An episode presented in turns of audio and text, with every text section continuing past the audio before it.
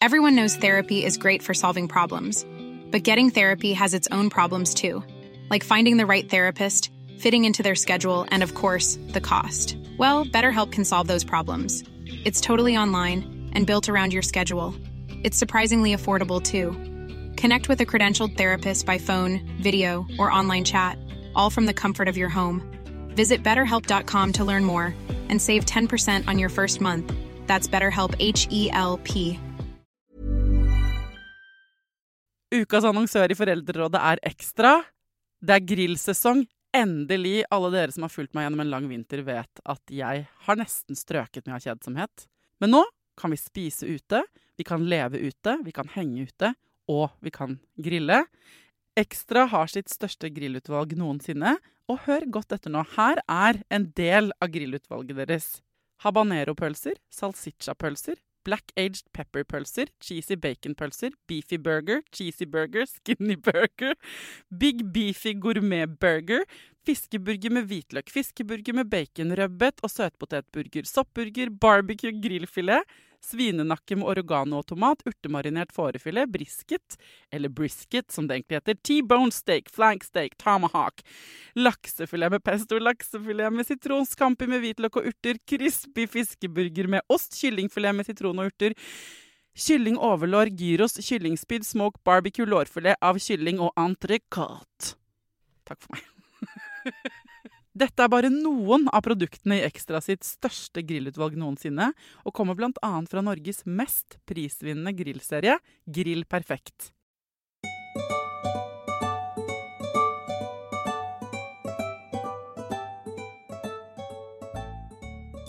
Hjertelig velkommen til en ny spesialepisode av Foreldrerådet.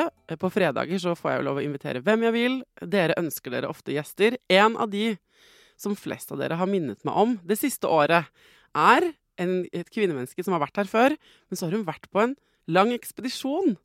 Eh, nå er hun tilbake. Hjertelig velkommen eh, igjen, Julie Valsø. Tusen takk, så hyggelig at jeg får komme tilbake. Altså, du har siden sist eh, reist verden rundt med en eh, van og unger Mhm. og mann, og skrevet en bok. Så nå er du på en måte ikke bare vår rotete mamma på Instagram. Eh, Du er også forfatter, og du er podkaster. Har du også Oi, blitt siden oi, oi. sist. Mm, stemmer. Mens jeg har sånn akkurat klart meg gjennom en vinter, på en måte. Det, og fått høner. Det er det som har skjedd i mitt liv. Jeg tror det er det som er trikset. At jeg har jo ikke hatt vinter. Jeg har bare kjørt etter sol. Ja. Så jeg tror jeg har overlevd litt lettere. Når du kan bare åpne døra, og så kan du gå ut, da er livet mye lettere enn når du må kle på 5000 lag. Men jeg har fulgt deg på Instagram eh, tett og sett alle de sinnssykt fine utsiktene du har hatt. Det har vært en sånn balsam for øynene og sjelen gjennom, eh, gjennom den lille dumme skjermen, da, men det er også deilige skjermen, hele vinteren. Og det har liksom, om det har vært eh, utsikt i Marokko eller Øst-Europa eller ikke sant Dere har vært på så sykt mange rare steder òg. Mm. Stemmer. Vi har vært Vi tok en eh, Vi starta på Færøyene. Det var på en måte det mest eksotiske, tror jeg. Eh, Så tok vi båt over der, 32 timer med sånn deilig vugging opp og ned. Jeg tror jeg lå ut på senga i lugaren i 32 timer for å overleve. Herregud. Og så dro dere Eh, Så dro vi nedover hele den eh, hele Europa der. Vi tok først England, Skottland, Wales, og så Frankrike, Spania. Så var vi to måneder i Marokko når resten av Europa var kalde. Så gjemte vi oss der. Så dro vi Italia og Balkankysten, og så hjem igjen. Herregud. 23 land, eh, tror jeg det ble. Det er helt Men og med to barn. Hvor gamle er barna dine igjen? Fem og et halvt og fire. Så helt eh, ypperlig sånn stappe inn i bilalder. Ja, OK. Eh, det, når de blir eldre, så har de på en måte litt mer sånn De vil ikke se på ruiner og sånn, og de er ikke såpass små at de passer inn i senger og sånn. Mens, og litt mindre, da er det også trassing. Men ak, det her var gullalder på okay. å ha med seg barn eh, rundt i Europa. Så lenge de får is, så kunne de være med og se på slott og kjedelige ting. Ja, men hvordan ehm, Fordi Bare ta det med ruiner, for det er det eneste jeg ikke syns er gøy. Å se på selv. Altså, Mamma har prøvd å trekke meg med å se på ruiner så mange ganger, og jeg har fått et sånt hatforhold til ting Altså sånn stein i seg selv er ikke noe for meg. Eh, men det er dere Altså, er hele gjengen hos deg med på å se på ruiner, eller? Nei, det er nok eh, mannen min Espen som er, har mest interesse av de veldig gamle greiene. Men Ja. han eh, Det er sykt mange slott. Jeg tror det er liksom nok slott til at alle i Europa kunne bare bodd i slott. Fordi det er altså Alle steder vi dro, så var folk sånn Å, du må innom der, det er et helt nydelig slott eller en nydelig borg. Og så er det sånn at jeg har sett sånn 583 av de. Nå går det bra. Ja, men ok, er jeg, kan være med på ruiner hvis de er et byggverk, men du vet sånn ruiner Ja. som er sånn Her må dere se for dere! Vi har, vi har oh, ja, nei, et glassmonter rundt denne steinen, og så må du gå i kø for å se på denne steinen. Andre land er jo ikke så eh, ute i hardt vær, sånn som sånn eh, i Norge eller eh, Så det er mange av de som er kjempegodt bevart, som du kan er gå kult. inn i og Ja, det er kult. Men hva har vært eh, vanskeligste? Det vanskeligste har vel vært det at du må tenke på ting som du ellers i en vanlig hverdag aldri må tenke på, som for eksempel hvor skal vi parkere i natt? Eh, hvor kan man fylle vann? Hvor kan vi dusje? Hvor kan vi eh, fylle på vann på tanken? Hvor, hvor skal vi spise? Hvor skal vi lage mat? Helt sånne elementære ting som tar opp så sykt mye plass i hjernen, som du aldri må tenke på når du bor i et hus, da. Um, og de dårlige dagene blir jo enda dårligere, men uh, Hvordan da? Nei, sånn hvis man har spysjuka, da, så er ikke det så fett i bil. Så da har vi eh, leid oss et hotellrom eller uh, kjørt inn på camping. Ja. Men de har vært mye mindre syke på tur, og det er sånn irriterende ting å høre. At det er sånn ah. Og man tenker sånn ja, men i hvert fall så har vi et hus når vi er syke. Men så er det sånn, de har nesten ikke vært syke, fordi det er jo i barnehagen de driver og smitter hverandre i ring. Ja, og ikke sant? Det er det som er øh, når foreldre som ikke er så mye ute og reiser, da, når man drar med barna sine, så er man sånn Ikke slikk på den øh, steinen som lå på bakken. Det er masse farlige bakterier her i Tyrkia. Og så er det sånn Det er mye farligere i barnehagen din, øh, Ja, ja, ja. egentlig. Men, En men unge stikker hånda i rumpa, og så putter den hånda si inni øyet til ungen, og så har du det gående, og så skjer det hele tiden. men det gjør jo ikke så mye av det på stranda. Nei, sant? Men um, det, det jo denne vinteren her tror jeg folk har vært enda sykere også hjemme. Altså det har vært så innmari mye virus, og folk har jeg, jeg kjenner ingen småbarnsfamilier som har vært eh, friske jobb, i mer enn nei. Ikke på jobb i mer enn en uke sammenhengende, liksom. Um, hele vinteren. Så der dodga dere nå, tror jeg. Den, akkurat Ja, denne vinteren var en lur en å dra. Så tror jeg det at det som er stress med barn, fordi mange har sett for seg at det er veldig stressende å reise med barn over så lang tid, men tingen som er, som jeg opp, har opplevd selv da, med hvorfor det er stress med barn, er jo at uh, når de må rekke ting, Mm. det er da det blir stress. Hvis du må et sted innen en viss tid, da er det ingen som vil kle på seg, det er ingen som vil komme seg ut døra, og så har du det presset på deg, og det har jo vi ikke hatt på et år. Det er ingen steder vi har måttet vært. Altså sånn, vi hadde sånn Innen én måned så må vi rekke den ferga. Og ja, men det, det, det høres jo eh, både veldig deilig ut, også sånn ehm, man, Selv om man ikke har en sånn sjef som venter på et kontor, eller en barnehage som man må være i før det og det klokkeslettet, Mm. så er det jo sånn at man inni seg kan se for seg, i hvert fall i mitt liv, sånn I dag skal vi få gjort det og det og det. Altså, Ja. vi bærer jo mange av de forventningene inni oss, sikkert også på tur, da. Eller klarte du liksom å ja, legge ja. vekk det? Eh, vi hadde jo en liten testtur i 2020, og der følte jeg vi lærte å ikke Altså, halv, vi måtte halvere alle ting vi hadde tenkt å gjøre. Og så er det det at bare det å leve tar så lang tid i bil. Du må vaske opp for han, det er én koketopp, så på en måte hele dagen går bare til å gjøre helt sånn vanlige ting, da. Mm. Så det er sånn, vi parkerer et sted, og da vet vi at ok, vi er her i tre dager. Første dagen går bare til å leve. Andre dagen kommer vi oss ut i den byen. Tredje dagen må vi liksom pakke sammen igjen. Så du lever så sakte at um, gjøremålene dine blir ting som, som i et hus eh, du bare må gjøre innimellom andre gjøremål. Og jeg får sånn eh, litt sånn zen-følelse. Du vet sånn av og til hvis jeg ser videoer av folk som får massasje, så får jeg sånn kiling i hodet, for det ser så deilig ut. Jeg fikk det litt nå av at du snakket om For det er akkurat det der å gjøre at det er jo det som er greia. Vi tror at ved å liksom ha oppvaskmaskin og ting går unna, at vi trenger å bru ikke bruke så mye tid på å handle mat sant? bestiller ting på døra istedenfor, eller hva vi nå gjør, da, for å effektivisere hverdagen hjemme. Så får vi bedre tid, men vi stapper jo bare inn eh, dobbelt så mye i de hullene vi får. Ja, det er det. Det er litt som at uh, hvis du uh, Når man tenker sånn Man har litt dårligere, da tenker man sånn jeg må bare, Når jeg tjener 50 000 mer i året, så kommer alt til å løse seg. Så får du den lønnsforhøyelsen, da.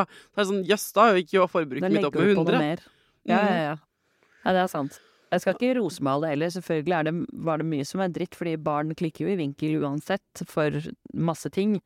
Men det å eliminere det at vi måtte ha Nå hadde vi bare én person som måtte tjene penger. Vi kunne gjøre hva vi ville eh, de dagene vi ville, og vi han måtte ikke skynde oss. Da ble de dårlige dagene litt lettere å takle også. Mm. Men sånn parforholdsmessig, da, du og Espen, hvordan har det vært? Vi har jo gått i parterapi digitalt Ja. etter barna har blitt lagt. Um, for de som har fulgt meg på kontoen min, så vet jo de at Espen fikk autismespekterdiagnose i mai, rett før vi flytta inn i bil. Ja. Så da fant vi ei som har skrevet master om det. Autismespekter i forhold hvor én er nevrotypisk og én ikke. Så hun har vi snakka med sånn eh, på kvelden etter barna har lagt seg. Så, har vi, så vi har på en måte jobba med forholdet underveis, og vi har hatt mer tid til å snakke sammen enn når begge var i jobb. Mm. Men vi er jo fortsatt en småbarnsfamilie, så det er jo ikke liksom sånn at det er ekstremt mye kvalitetstid, men mer familietid er det jo. Men uh, Espen har jo mine favorittinnlegg var, var, Altså, noen av dem er når han tar med seg den doen og Ja. finner steder å gå på do. Han har båret med en sånn Jeg vet ikke hva det heter engang. En sånn bæsj and carry-opplegg. Ja. Ja. Mm. Og satt seg liksom ut på eh, savanner eller klipper eller strender eller Ja, det-. Det har vært hans liksom prosjekt, eh, virker det som. Det jo ganske fin sånn alenetid. Eh, hvis man må bruke den doen, så er det jo egentlig bedre å bare ta den med seg ut, og langt unna alle de andre, sånn at du får litt alenetid. Men liksom, Ja, det apropos det og parforhold, da. Eller sånn, for det, du har også vært ganske god til å illustrere eh, at det blir jo rimelig tett. Hvordan har det vært å få sånn egentid? Bortsett fra når man tar med seg doen under armen, på en måte. Hvordan, hvordan har dere fått til det?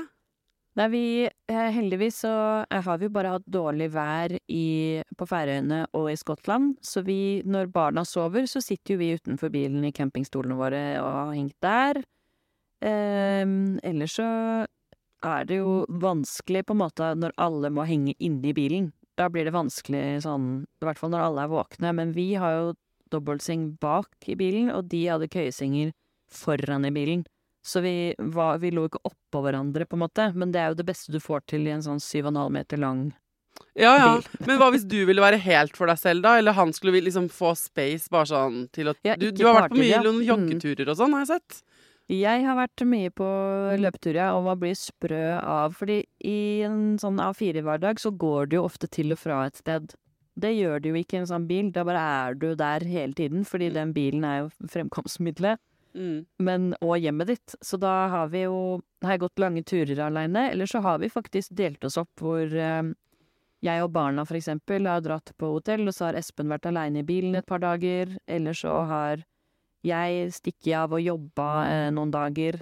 Eh, og så har Espen og barna vært på campingplass. Ja. Så vi har på en måte delt oss opp innimellom, for jeg jobba jo underveis, og noen ganger så var det lettere å bare ta igjen masse alene, og så komme tilbake. Ja. Det høres litt deilig ut òg. å liksom ta den uh, frokosten for seg selv. I ny og ne. Ja, det har vært deilig. Men um, uh, Og så har du skrevet en bok som den har lå på Mm. bestselgerlista den uka den kom ut. Heter 'Det ordner Mhm. seg. Syv steg til å overleve småbarnslivet'. Yes. Og um, kan ikke du ta oss gjennom en liten overlevelsesguide uh, fra deg? Ja, Altså her på podkasten. det kan vi gjøre. For hvis du klarer Fordi- å ha med deg to unger på vanlife eh, i Altså du Jeg vet at du ikke kaller det en selvhjelpsbok og sånn, men Nei. eh, du eh, begynner jo å få litt eh, ekstra eh, kompetanse, spisskompetanse her, Julie. Ja, ja, ja.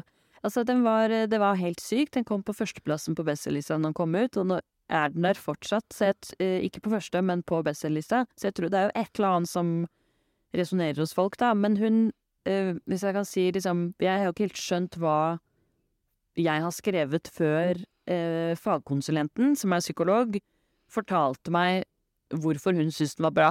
Hvis, kan, hvis du skal innom sånn selvhjelpsbok og sånn, så sa hun det at det er veldig få ganger i livet hvor vi har innsikt i andres liv såpass mye at vi kan på en måte um, kjenne oss igjen i egne prosesser. Altså sånn Vi tror En av de tingene jeg snakker om i boka, er for eksempel det at vi tror alltid at alle andre får det til.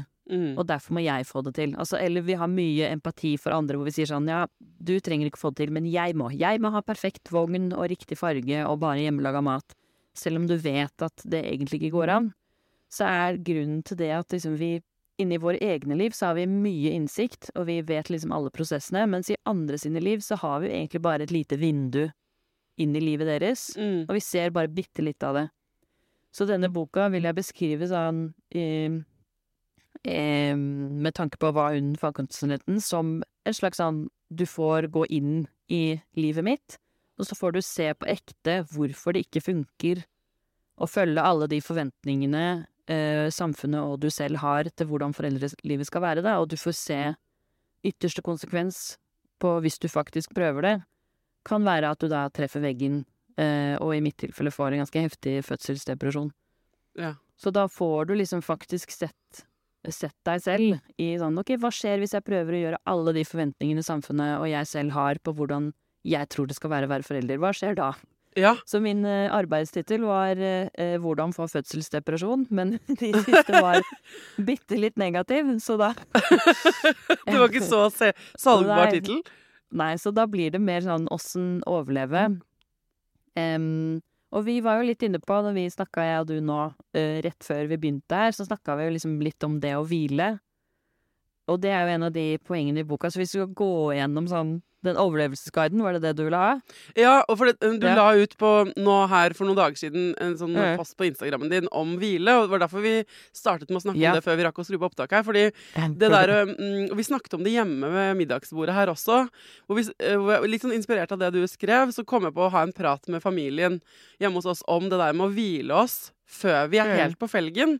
For med barna så er det jo sånn de, i hvert fall, Det har jeg alltid tenkt. Sånn, jo slitnere tider man har vært, jo mer gira er han. Ikke sant? Mm. Sånn at der hvor man skulle tenke sånn Oi, nå blir du sliten. Da går du og legger deg. Mm. Som vi voksne kan tenke. Så er det så lett Mm. å se at barn gjør ikke det. Men så har jeg tenkt sånn, det gjør ikke vi voksne heller. Jeg Nei, kan vi girer opp, ja. vi girer Mm. opp. Altså, Noen er gode til å ha kontakt med egne behov, sånn at de kjenner sånn Oi, nå begynner jeg å bli litt sliten, nå går jeg og tar meg en hvil. Men det gjelder de færreste jeg kjenner. Og da havner Mm. jeg i hvert fall i så mange flere problemer fordi jeg setter i gang F.eks. Eh, dyrking av pallekarm som prosjekt, eh, når jeg egentlig burde ha sovet fire timer. Mm. Og så, um, og så får jeg på en måte blir det Jeg bare hever turtallet og drar opp liksom spaken på tredemølla til maks fart når jeg egentlig burde sove. Og søsteren min er helt lik. Og vi har snakket masse, selv om vi vet dette. Vi kjenner igjen symptomene. Um, Ja. Så vi kan snakke med hverandre på telefon. Nå, nå har yngstesøsteren min vært skikkelig dårlig. Hatt Mm. virusinfeksjon. Snakket med henne på telefonen. Da, men selv om vi har snakket om dette, også med psykologene våre, med hverandre, vi er smarte i netta, vi får det med oss, så er det sånn at når jeg da sier til henne Men nå må du gå og hvile deg. Dette er jo tegn på at du er sliten, at du begynner å styre med alle disse tingene, for hun er litt lik som meg. Så sier hun, Mm. men jeg ligger jo Når jeg legger meg ned, så ligger jeg en halvmeter over senga, for jeg er for sliten til å klare å hvile meg. Mm. Uh, og da har man havnet i den der vi kaller i min familie for sone rød, da. Så vi hadde Ja. en prat på, i- på kammerset, både litt sånn inspirert av din post, men også av livet sjæl. At det hadde vært fint om vi som familie hadde blitt litt flinkere til å kjenne etter nå er jeg sliten og trenger litt space. Og at vi hjelper hverandre med å få den hvilen før Mm. vi havner i sone rød og bare virrer rundt som sånne gærninger, da. Ja. Så hvordan skal du stoppe liksom før du når veggen? Altså det er jo det Det du snakker om der er jo ganske eh, Det går ganske dypt, egentlig, fordi fra vi blir foreldre, så blir vi på en måte fortalt at det finnes ikke noe gyldig fravær for eh, foreldre. Da, hvis du skal ha en pause, så må den være produktiv. Og jeg har jo gjort det selv. Altså, jeg har jo tulla med Det hadde vært digg å ligge på sykehus litt, så jeg fikk slappe av. Mm. Eller så litt mindre alvorlige ting, så sier vi sånn Nå, jeg gleder meg til å gå en tur alene på butikken, eller vaske klær nede i kjelleren mens jeg drikker et glass vin og hører på podkast. Og så skjønner jeg det, for det er jo sånne smutthull i hverdagen, og det er ting som må gjøres, enten om det er hermetegn må, eller ekte må.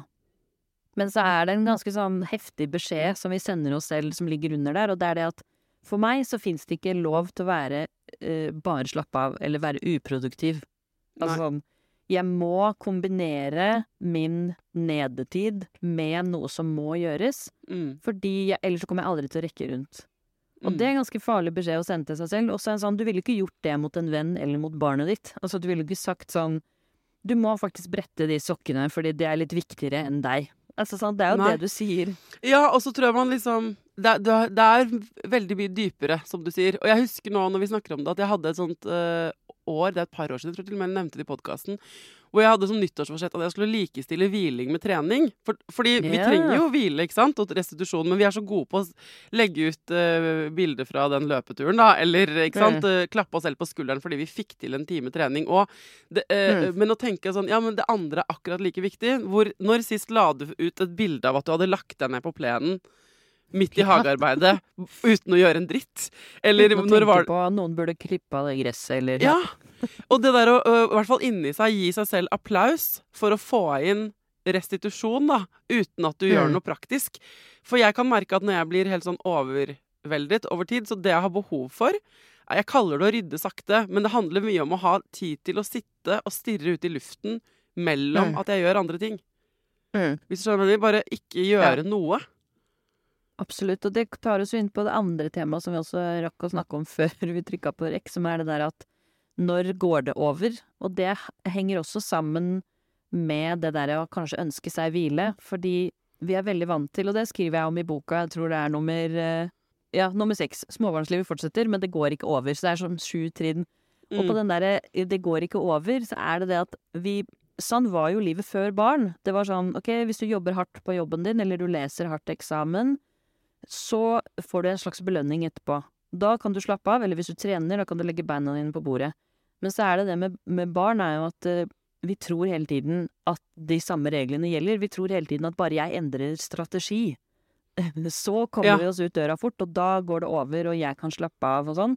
Men så er det de to faktorene, jeg har i hvert fall to faktorer på fem og et halvt og fire, de driter i strategien din. Så de har ikke så mye De bryr seg ikke om hva, at ting skal gå over. Sånn, så hele tiden blir du fortalt eh, både en trussel og en trøst. Og sier folk sånn Det går over, så du må nyte det nå. Eller det går over, de skal ikke få tenner for alltid. Men hvis du tenker sånn, så tenker du som at du løper en sprint, og da blir du daudsliten. Ja.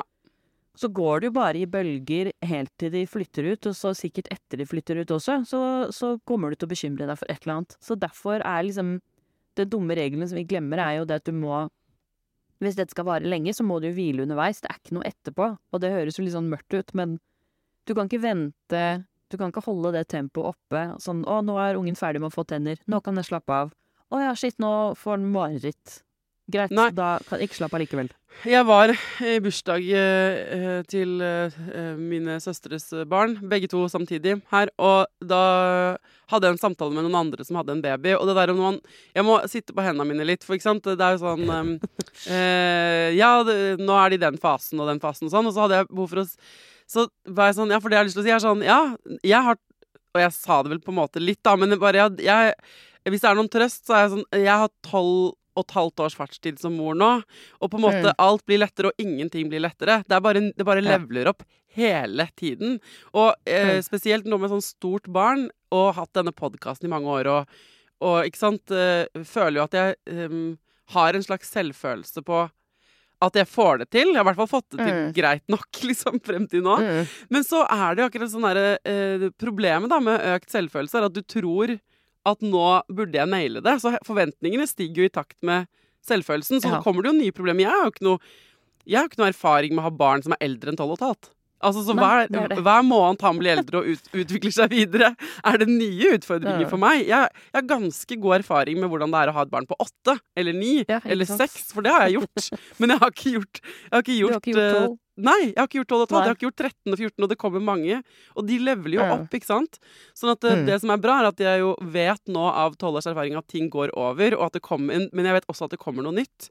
Så, Mm. så det derre um, du sier at det er både en trussel og en trøst, ikke sant? I at det Mm. der, det går ikke over. Så uh, på en måte, hvis du som hører på nå tenker sånn Men herregud, jeg har det helt forferdelig, så er ikke Ja. det noe hyggelig å høre. Men Nei. her er clouet, føler jeg Julie og jeg prøver å si, da. Som er sånn Du må prøve å finne deg rom til å ha det OK nok akkurat nå. Eh, Mm. altså, du må prøve å liksom du, du trenger ikke burde, burde ikke trenge en bok eh, og noen podkaster og noen eldre medier for å si det til deg. Men verden dundrer seg på i motsatt kjørefelt, hvor de Mm. mener at du bare skal jobbe på, jobbe på, jobbe på, og på et eller annet tidspunkt så kan du kommer det en sånn magisk dag hvor du kan få hvile nok for resten av livet. Det er ikke sånn. Det, det, er, det er bare Det leveler opp. Så du må finne en eller annen eh, fart, sånn gangfart, som funker. Og det er egentlig en fin sånn opp... Det er egentlig et ganske bra opprør mot samfunnet som forteller oss at vi må effektivisere alle tingene. Altså sånn Etterpå kan du ikke vente på, fordi eh, sånn praktisk sett, det kommer ikke til å være så forferdelig hele tiden. Selvfølgelig hvis du har kolikkonge, eller hvis du, hvis du har en som får tenner, eller hvis det er trass, så vet vi jo liksom i, i hjernen vår at det kommer ikke til å vare for alltid. Det bare funker ikke å hvile etterpå. Det går ikke an å liksom vente.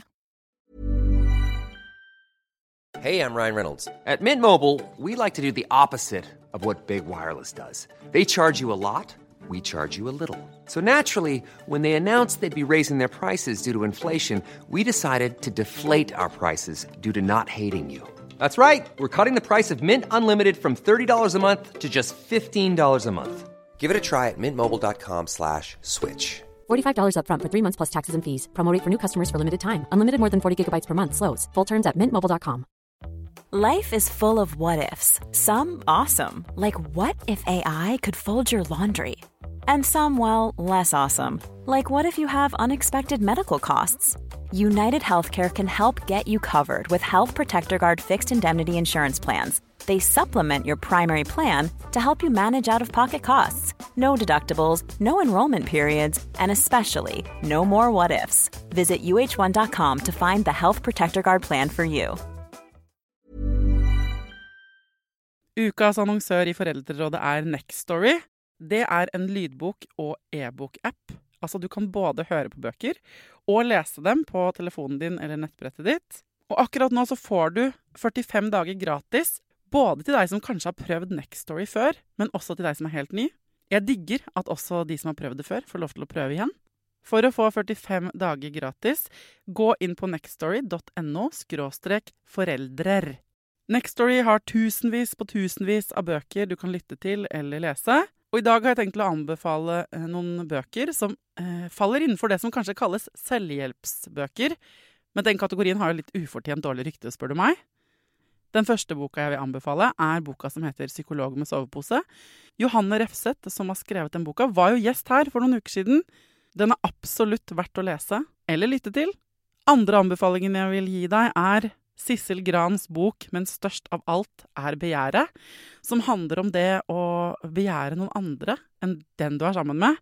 Og jeg har også laget en episode med Sissel Gran om det temaet for et par år siden. Den boka er fantastisk. Hvis du har lyst til å prøve ut Next Story for første gang, eller eh, har prøvd ut før, men vi prøver det ut igjen, helt gratis i 45 dager, gå inn på nextory.no skråstrek foreldrer. Jeg har blitt veldig klar over det, enda mer klar over det denne vinteren. For jeg, det jeg har gjort faktisk denne vinteren, er jo jeg har laget en ny podkast om døden. Eh, og det var en eh, eh, åtte episoder grunnkurs i død, på en måte. Og da, da eh, jeg, Det har ført til noen ting. Blant annet at de der hønene som jeg har fått med meg, da eh, Vi har en liste så langt som et vondt år over ting vi må gjøre i det huset vi har flyttet inn i. Mm. Og vi har ikke penger til å gjøre alle de tingene. Og det er eh, ikke sant, vannlekkasje her og takreparasjon der og alt mulig irriterende. Men eh, så de hønene har ligget langt nede på den prioriteringslisten. Veldig, veldig langt nede. Og så eh, har jeg funnet en ny strategi nå, fordi jeg tenkte Altså, eh, jeg vet ikke hvor lenge jeg skal leve. Ingen av oss vet jo hvor lenge vi faktisk Nei, har. Og jeg har drømt om å ha høner i årevis. Og nå bor jeg i den, et hus med en hage hvor jeg kan ha dem. Så eh, istedenfor å ta vekk og fortjene noe og ta vekk noe på den to do-listen som var irriterende, så Mm. sa jeg til Knut kan vi ikke bare legge til noe som er gøy? Vi legger til noe som bare er lystbetont. Og det er en strategi jeg vil uh, tipse folk om. At man kan Ja, i den dritlange listen med ting du burde, burde, og du kan ikke gjøre det før boden er sånn, eller du kan ikke gjøre det før dere har sånn og sånn. Hva om du bare legger til det nå? Ikke sant? Mm. Så vi tror vi gjør noe feil når ting er slitsomt og vanskelig og trist og dritt. Um, en strategi er kanskje ikke å prøve å forminske det så mye som det er å legge til ting som er skikkelig fett. For deg. Ja. det er sant. Men uh, hvilke andre eh, strategier altså Nå hoppet du inn på punkt seks, det går ikke over. Men kan du ikke bare ta oss gjennom overskriftene da, på de syv stegene til å overleve?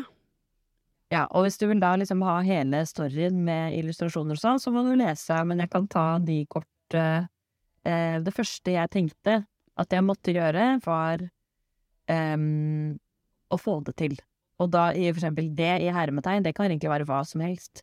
Men det å få barn var noe jeg tenkte jeg måtte få til, akkurat som en slags sånn eksamen ellers i livet. At det var noe jeg kunne lese meg opp til, da. Ja. Eh, og så skjønner du på en måte etter hvert at det går ikke, fordi at småbarnslivet funker ikke på samme måte som resten av livet. Du kan forberede deg så mye, og så kommer det et helt menneske.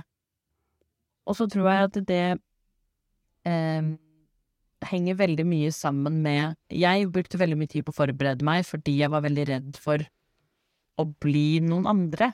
Og det er eh, punkt nummer to. Så punkt nummer én er at det er ingen som får det til.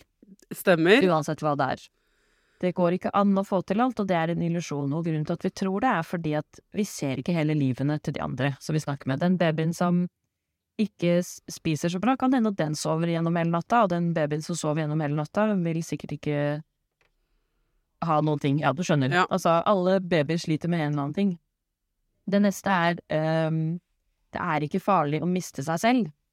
Og med det mener jeg at jeg var veldig redd. Jeg trodde at med en gang jeg fikk barn, så fikk jeg også eh, forkle og et umistelig lyst til å starte i kor. Ja. Og eh, begge de tingene er kjempefine ting, de bare var så langt unna hvem jeg var, da. Så jeg tenkte at jeg måtte gjøre det da jeg fikk barn, og så er det sånn at det å miste seg selv etter man får barn, er ikke så farlig, og det er ikke så rart, fordi at hele livet ditt og kroppen din er på en måte noen andre sin Mm. veldig lenge, når du er gravid, og når du har en baby spesielt. Men så etter hvert så kommer du til å finne biter av deg selv. Kanskje i en sutteklutthaug, eller i oppvasken, eller i sofaputen, så kommer du på et eller annet du har lyst til å gjøre.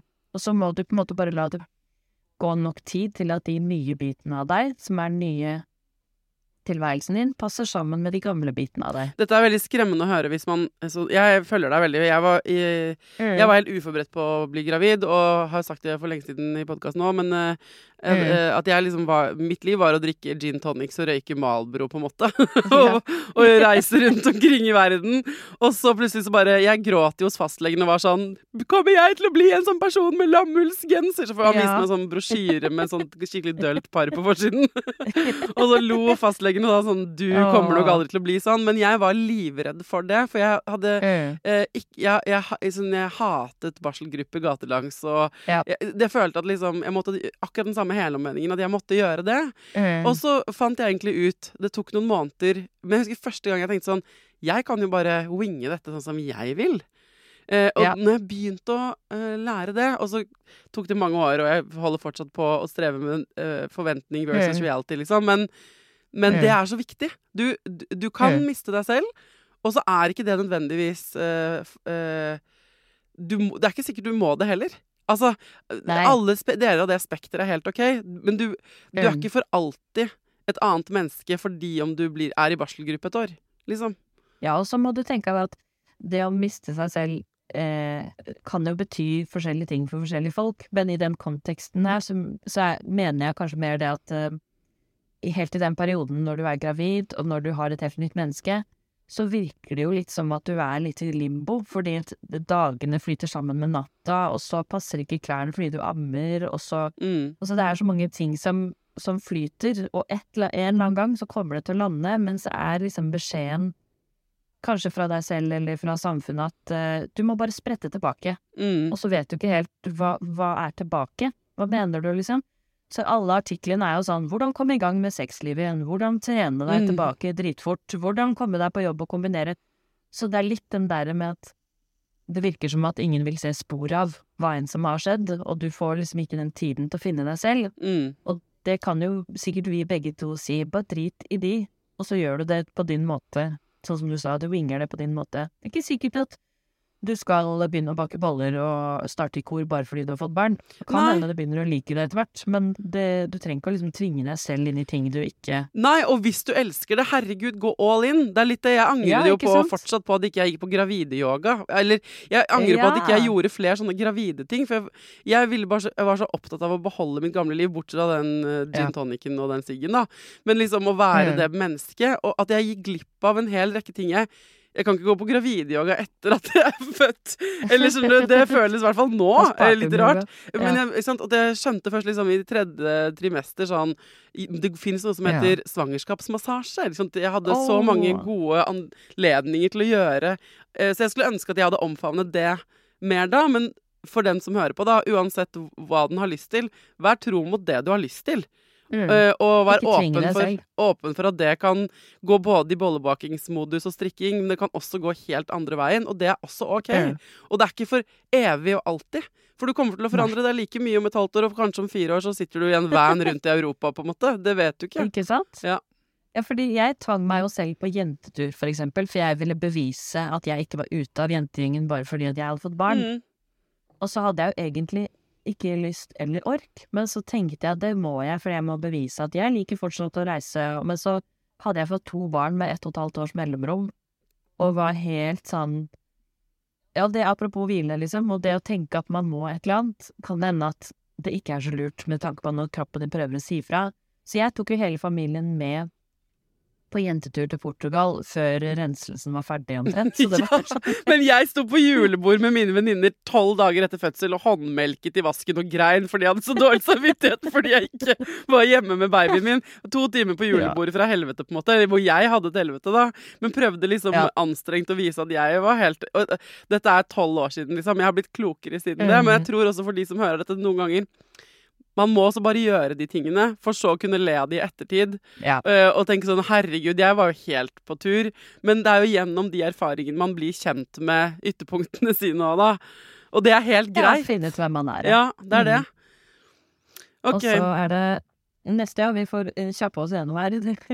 eh, nummer tre, det er ingenting som bare er å gjøre. Altså, ingenting er bare å. Og det er en sånn Jeg trodde veldig mye på alle de rådene jeg fikk, og da tenkte jeg det var noe galt med babyen vår, eller noe galt med meg som ikke fikk til alle de tingene alle sa det bare var å gjøre. Mm.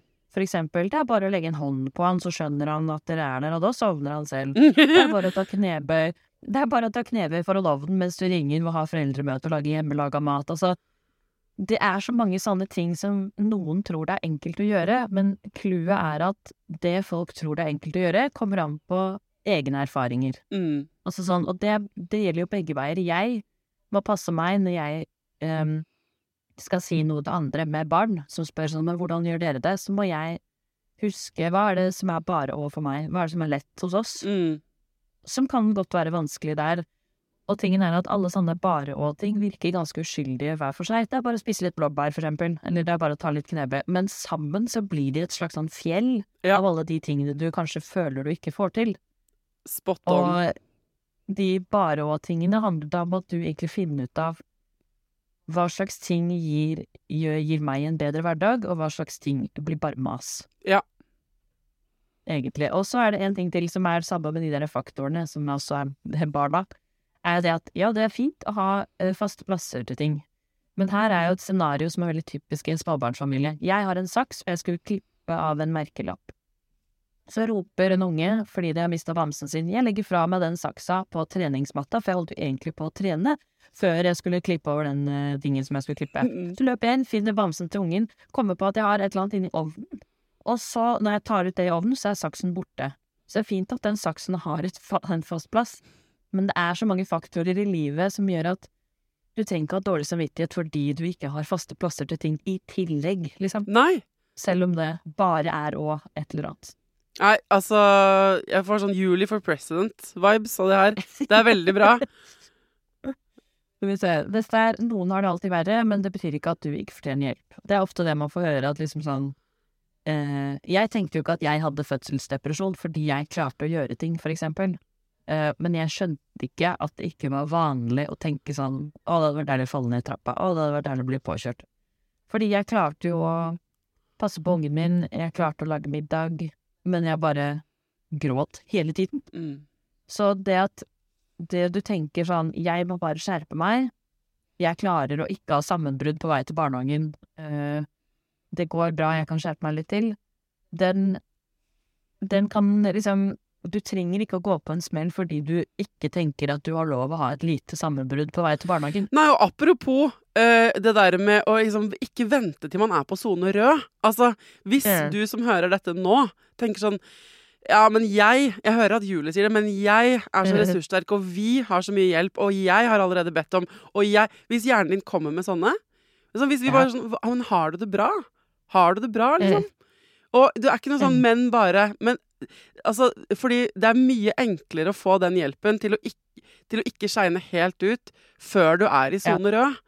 Eh, Fordi Mm. da eh, Sånn at eh, eh, Og det går selvfølgelig an, og du skal selvfølgelig ha Da skal du i hvert fall ha hjelp på sone rød, men det er mye ja, ja. lettere å hvile seg når man har ikke har 100, 180 i puls når du sitter og, Fordi du har så angst for et eller annet som du sant? Det er lettere å finne Å komme tilbake til eh, seg selv eh, hvis man ikke er helt på felgen. Ja, og så tror jeg at eh, det burde vært mer akseptert å bare legge seg ned i veien bitte litt. Så, Enig. når du, når du har eh, Altså, den, en av de fineste minnene jeg har som ny mor, var når det var en dame på T-banen med to En sånn sykkelvogn med to barn i som krangla så sykt mye. Og til slutt så bare Hun klarte ikke å roe dem. Til slutt så begynte hun bare å gråte og satte seg ned ved siden av den sykkelvognen. Jeg ber jo gråte og fortelle. Så kommer det tre andre småbarnsmødre bort og bare trøster henne, og så bare sånn 'ja, men jeg ordner det', og så snakker de med de og hjelper henne, og, og tenker at hvis flere av oss hadde turt å ha sånne små sammenbrudd, for eksempel hvis jeg ikke hadde riktig fiskepinne eh, i butikken, ikke dinosaurfiskepinne, liksom, Eh, bare gråt bitte litt, det går bra.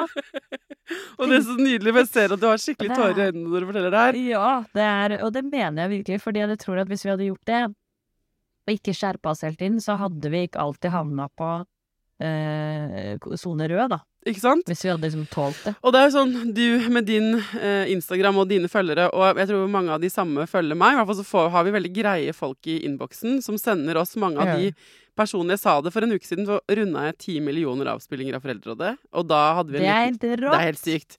Og da var en av de tingene jeg, snakket, altså for, eh, snakket litt om på podkasten forrige fredag at det å sitte Noe av det beste med min jobb er at jeg får nettopp de sammenbruddene, på en måte, litt i innboks. Jeg blir Mm. minnet på så ofte av dere eh, hvor- eh, at folk ikke får det til. Folk får det ikke til. Mm. Det der er en illusjon, og jeg skulle litt ønske at alle Mm. hadde tilgang på det mylderet av ulike varianter av foreldre som strever og lykkes og strever og lykkes. For det, det er to sider av samme sak hver dag. Mm. Ikke sant? Og, og, for da, da får man det derre eh, eh, påminnelsen om at det der sammenbruddet jeg hadde pga. fiskepinner, eller hva det var, det hadde 10 000 andre foreldre denne uka også. Ikke sant? Ikke sant? Så jeg er enig, jeg er helt enig gjøre, være litt Jeg skulle også ønske at folk var ærligere med det overalt, egentlig. På trikken, eh, på Instagram, i samtaler. Ikke at vi skal svartmale Mm. ting og bare snakke Det er ikke det, men nyansere bildet Nei. litt. Jeg tror så Barn går gjennom hele følelsesspekteret på en dag, de også. Det er ikke noe rart hvis vi gjør det. Altså, jeg mener jo det samme andre veien nå. Mm. Hvis du har en seier den dagen på noe som du har fått til, der i dag kommer vi oss ut av døra uten problemer, da syns jeg det skal være fanfare. Da skal Ja. folk spille trompet og følge deg til barnehagen, og du skal få diplom. Altså sånn Ja. både feire de helt hverdagslige tingene, men også la det stå til, liksom, når det, du ikke syns det går bra. Fordi sannsynligheten er at du da blir flinkere til å trøste deg selv og andre med at ja, men det går faktisk bra. Jeg skjønner at det var dritt nå. Mm. Um, men eh, du har lov til å slippe det ut. Ja, du du må liksom det. Eller så, eller så hoper det seg opp inni deg, og så blir du lei deg på sikt. Det blir ikke borte. Man må føle følelsen ferdig. Ja, ja, og så ikke tenke på det som teit. Det er så mange teite ting som er ekte følelser likevel. Ja, enig. Det er lettere sagt enn gjort, da. Du, du, Ja du er veldig raus nå som deler alle, alle overlevelsesstrategiene dine i denne podkasten. Men jeg tenker at dette her er jo sånn eh, eh, Boka er jo en slags eh, En litt sånn spabehandling for, eh, for skjøre følelser. Hvis du skjønner? Eh, men Ja, uten at den er pjuskete. Ja, uten at det er sånn pjuskete irriterende. Jeg hater å bli trøstet sånn, sånn jeg, Men bare å få litt sånn eh, faktisk eh, eh, Ikke sant, Å kalle en spade for en spaderåd og anerkjennelse, det er den beste formen for trøst. Så får du liksom følge en person som gikk i alle feilene, og så kan du le litt av det. Og så kan du liksom føle sånn etterpå sånn OK, men da skjønner jeg Ja, men samtidig Det, Det funker ikke. Føler du på en um, Er det liksom en diskrepans eller en motsetning mellom at du både ikke sant? For du skriver og er veldig opptatt av dette her med å være ærlig om alle disse tingene. Og samtidig er du jo en dame som reiser verden rundt da, i van med ungene dine. Ja, jeg skjønner hva du mener. Og viser Mm. ut ja, sant? Kan du kjenne på det? For jeg kan, bare i kraft av at jeg har denne podkasten, tror folk at jeg skjønner dritmye mer av det å være mor. At jeg blir Jeg satt på skjønner min jo høye absolutt hest. Ikke. Ja, ja, ja. Jeg har jo brukt mye lengre tid på den boka enn det året i bil. Og så er det jo sånn at når vi har reist veldig sakte og sånn, så har jeg ekstremt lite andre gjøremål, hvis du skjønner. Mm. Jeg har ikke gjort noe annet enn det. Jeg har jo ikke hatt en vanlig jobb, eksempel. Nei, men jeg skjønner, skjønner du mener sånn, Bildet Ja. av en instagrammer er jo på en måte kuratert uansett. Så kan du kjenne på sånn. Mm. eh, Nå må jeg legge ut eh, noe, eh, noe gråting. noe. Nå må jeg Ja. legge ut gråting og, og dritt, fordi nå er det for idylliske poster på, i det siste. Jeg tror at eh, eh, jeg kan absolutt tenke på det sånn, men mer i retning av hva er det jeg burde ha snakket om? Ja. Og ikke bare sånn jeg vil bare legge ut noe rall eller noe gøy eller noe tull. Men eh, så ofte skal jeg tenke sånn jeg burde snakke om noe viktig, Mm, eller et mm. eller annet sånt. Så er vel heller det, men så er det i den fasen av livet vi har vært i, har det ikke vært noe vanskelig å finne ting som folk kan kjenne seg igjen i. Det har ikke vært eh, Nei. man har ikke måttet leita så mye. Og til og med, jeg er ikke så god på Jeg har lagt ut noen sånne veldig fine sånne reisevideoer, men jeg er, ikke, jeg er jo ikke proff eh, kameraperson, så det blir jo mer sånn Jeg legger ut noe av det, og så legger jeg ut noen tullete ting, og så Men jeg tror nok at det er tilbake til det poenget vi snakka om i starten, at livet mitt på internett er bare en bitte liten del av livet, og livet ditt i podkasten er også bare en bitte liten del av livet, så vi må huske at alle sine liv er mye lettere å tenke på som og deres liv er sånn og sånn, mens mitt liv for meg, det er sånn og sånn. Mm. Husk at alle har Det er helt umulig å få med seg alle sine liv og alle fasettene til hvordan de egentlig har det. Ja, det er det. Det er det. Og så er jeg veldig glad at selv om det er vanskelig å prøve å gi et representativt utvalg av livets opp- og nedturer, ikke sant, uten å gå i eh, grøft på den ene eller den andre siden um, så er, Selv om det er vanskelig, så er det bra vi prøver, tenker jeg. Det er bra, Ja, ja, ja. Det er bra vi prøver. Mm, Og så fins det nok, og det var litt av grunnen til at jeg skrev den boka, det fins utrolig mange eh, bøker som skal hjelpe oss å bli bedre foreldre og til å være effektive, og mange av de er bra, og noen av de er sånn jeg kommer ikke til å få bruk for det, fordi at jeg har ikke tid mm. til å liksom sette meg inn i det. Men så er det fint at det også fins noen som du bare kan lese fordi du har lyst til å kjenne deg igjen, eller fordi du har lyst til å le litt.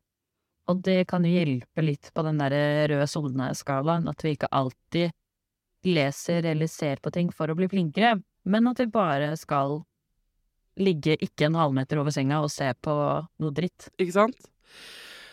Åh, det var deilig å snakke med deg i dag. Det var skikkelig deilig. Du er I like måte. Um, jeg får lov til å gi bort en, et eksemplar av boka di. Jeg, jeg tenker at hvis du som hører på Nå er- var jo Anna Blix her, biologen, skrevet en bok eh, som Ja, heter 40 uker. Dritkul, som er sånn evolusjonær trøst til deg som er gravid. Eh, Så hvis du skal gi Den er sånn så morsom. den er veldig morsom. Og så har vi din, som er overlevelsesguide ikke sant, til småbarnslivet. Altså, her begynner det å nærme seg en helt sånn ypperlig liten pakke til folk som går enten gravide, er slitne. Jeg mener jo at eh, det er fint med babyshower og det er kult å få gaver og sånn, men hva med Mm. de som har barn som er sånn to og tre, Ja. og som har liksom fått kjørt seg at Ingen av gavene fra babyshoweren funker lenger.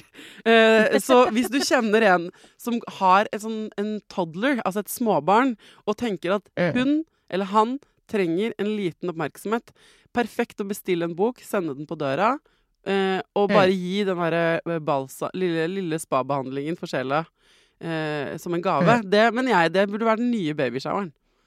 Enig. Mm. Bare vente med babyshower. Vi, litt, vi kan ha barselgrøt, og så kan vi ha toddlergrøt Ja. om et par år. Enig. Og så er det Ja, enig. Det er mer feiring av at det går greit. At vi får det til. At Mm. disse ungene vokser opp. Ehm, tusen takk for at du var med, Uh, kom tilbake. Jeg har egentlig lyst til å lage 32 episoder til med deg, Julie. Um, Ja, vi kan ta en eh, altså sånn eh, hvis det er uh, folk lurer på noe mer rundt van og reising med bil og sakte og sånn, så må du jo bare enten sende meg en innboks eller spørre deg, eller Ikke sant? Enig. Og uh, Ja, enig. Gjør det, folkens. Og så, altså hvis ikke du følger Julie på Instagram, så burde du det. Det er utrolig friskt pust i en verden av uh, photoshoppa drit. Eh, så er du eh, deilig å følge med på. Og så er det sånn at hvis man vil at du skal komme eh, der hvor folk bor, på et bibliotek eller noe sånt, og lese fra boka eller ha et lite event, så må man jo gå, bare gå til bibliotekene sine eller noe sånt da, og spørre. Vi vil ha Julie på besøk, kan ikke dere ringe henne? Ja, så ringer de til forlaget, og så sier forlaget 'Julie, du må dra dit'. Så det vil jeg gjerne. Ikke sant? Dra på en liten turné hadde vært kult. Ok, folkens, hvis det er sånn at du vil høre mer fra Julie eller en annen gjest, en du følger på Instagram, en du er nysgjerrig på, eh, et eller annet menneske du kjenner kanskje, eller noen du har sett holde et foredrag, så tenker du at det kunne passet for meg her i spesialepisodene på fredager, vær så snill og send meg en melding på Instagram. Har du allerede gjort det, og jeg ikke har svart, mas gjerne på meg, det blir jeg glad for.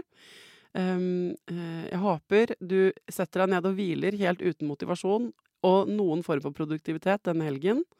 Til neste gang, ta vare på deg sjæl, ta vare på ungen din, og lykke til.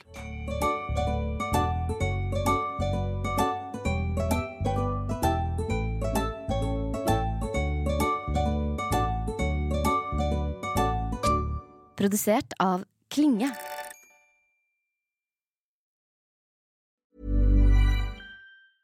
Mom deserves the best, and there's no better place to shop for Mother's Day than Whole Foods Market. They're your destination for unbeatable savings, from premium gifts to show-stopping flowers and irresistible desserts. Start by saving 33% with Prime on all body care and candles. Then get a 15-stem bunch of tulips for just $9.99 each with Prime. Round out Mom's menu with festive rosé, irresistible berry chantilly cake, and more special treats. Come celebrate Mother's Day at Whole Foods Market. Even on a budget, quality is non-negotiable. That's why Quince is the place to score high-end essentials at 50 to 80% less than similar brands. Get your hands on buttery soft cashmere sweaters from just 60 bucks, Italian leather jackets, and so much more. And the best part about Quince, they exclusively partner with factories committed to safe, ethical, and responsible manufacturing. Elevate your style without the elevated price tag with Quince. Go to quince.com slash upgrade for free shipping and 365-day returns. Hi, I'm Daniel, founder of Pretty Litter. Did you know cats tend to hide symptoms of sickness and pain? I learned this the hard way after losing my cat, Gingy. So I created Pretty Litter,